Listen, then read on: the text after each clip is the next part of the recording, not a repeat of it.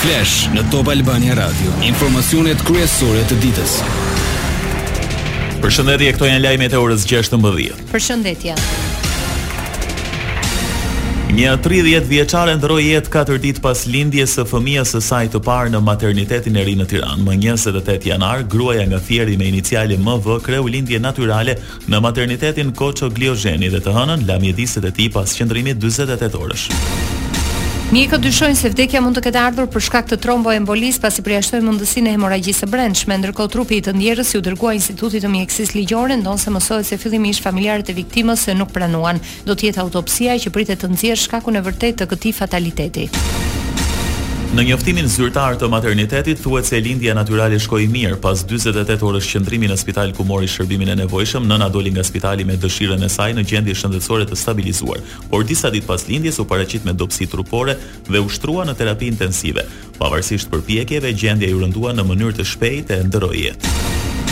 Ky është rasti i dytë në pak orë dje u raportua vdekja e një 34 vjeçareje në Elbasan pas abortit në maternitetin e qytetit. Drejtori i spitalit siguroi se pacientja mori trajtimin e nevojshëm, duke vënë në dukje se nuk mund të shprehen për shkaqet e humbjes së jetës pa dalë ekspertiza mjeko-ligjore, informoi se ende janë në pritje.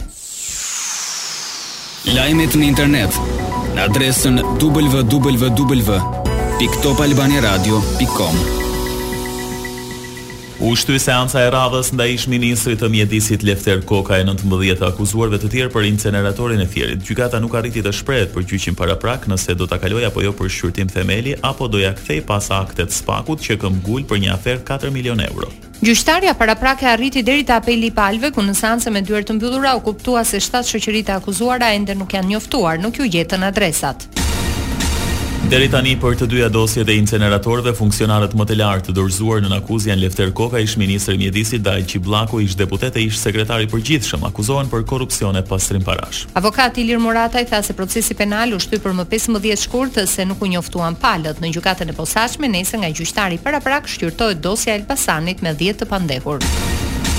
SPAK-u thotë se po heton katër ministri, mes tyre të Financave. Pikërisht ky hetim është kthyer në kartën më të fortë të avokatëve, pasi rezulton se ende nuk është thirrur Arben Ahmetaj. Emri i tij u ekspozua nga aktekspertizat si zyrtari që u pagua nga i akuzuari Klodian Zoto për udhëtime luksoze jashtë vendit. Por Prokuroria e Posaçme këmbëngul se po heton rolin e Ahmetajt, ndonëse jo zyrtarisht thuhet se emri i tij nuk rezulton i regjistruar si i proceduar apo person nën hetim.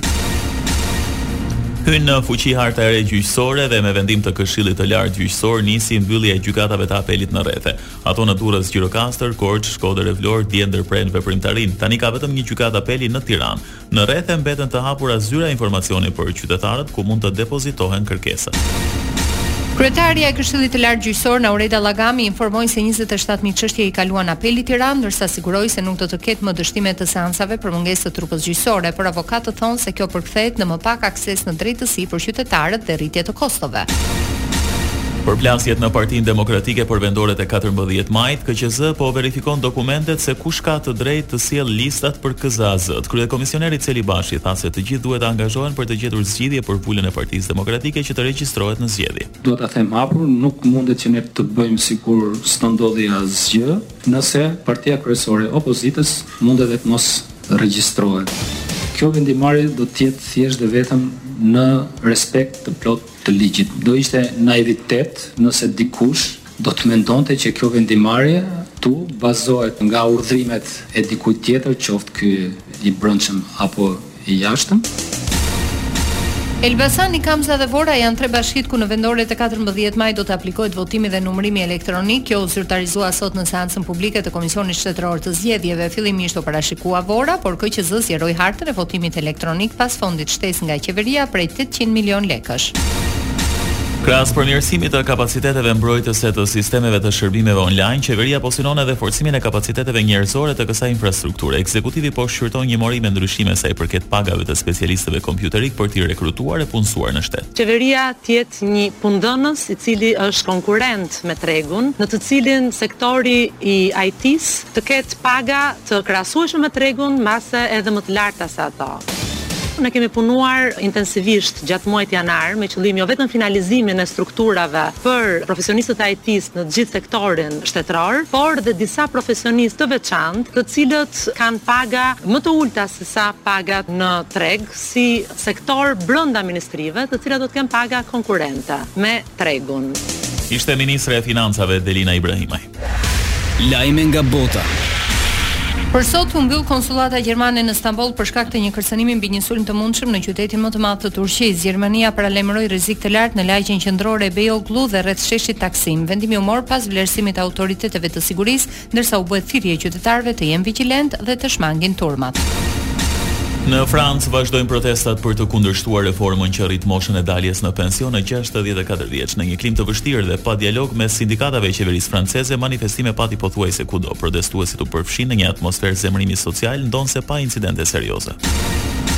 Në Paris u krijua kaos, por pa të lënduar. Po ashtu 30 persona u ndaluan. Sipas shifrave nga sindikatat, rreth 2.8 milion njerëz zbritën në sheshe dhe rrugë. Kjo shifër është dukshëm më e lartë se ajo prej 1 milion që u konstatua në protestat e 19 janarit. Organizatorët paralajmëruan të tjera mobilizime mobilizime më shtatë dhe njëmbëdhjetë shkurt.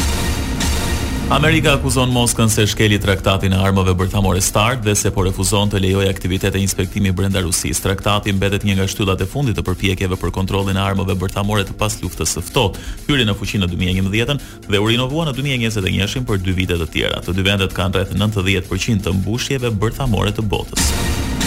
Uashingtoni është përpjekur ta ruajë vazhdimësinë e traktatit, por marrëdhëniet me Moskën janë në gjendjen më të keqe të dekadave të fundit si rezultat i sulmit rus në Ukrainë rreth një vit më parë. Për Rusinë është vërtet i mundshëm skenari që të mos ketë asnjë traktat për kontrollin e armëve pas vitit dy mijë e njëzet e gjashtë.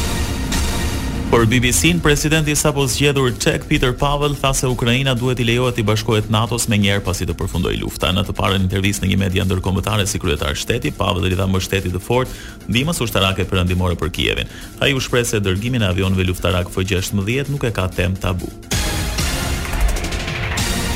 Dëgjuat një përmbledhje të zhvillimeve kryesore të ditës. Edicioni informativ i radhës është në orën 17. Unë jam Doriana Lato. Unë jam Edi Hallaçi. Kjo është Top Albania Radio.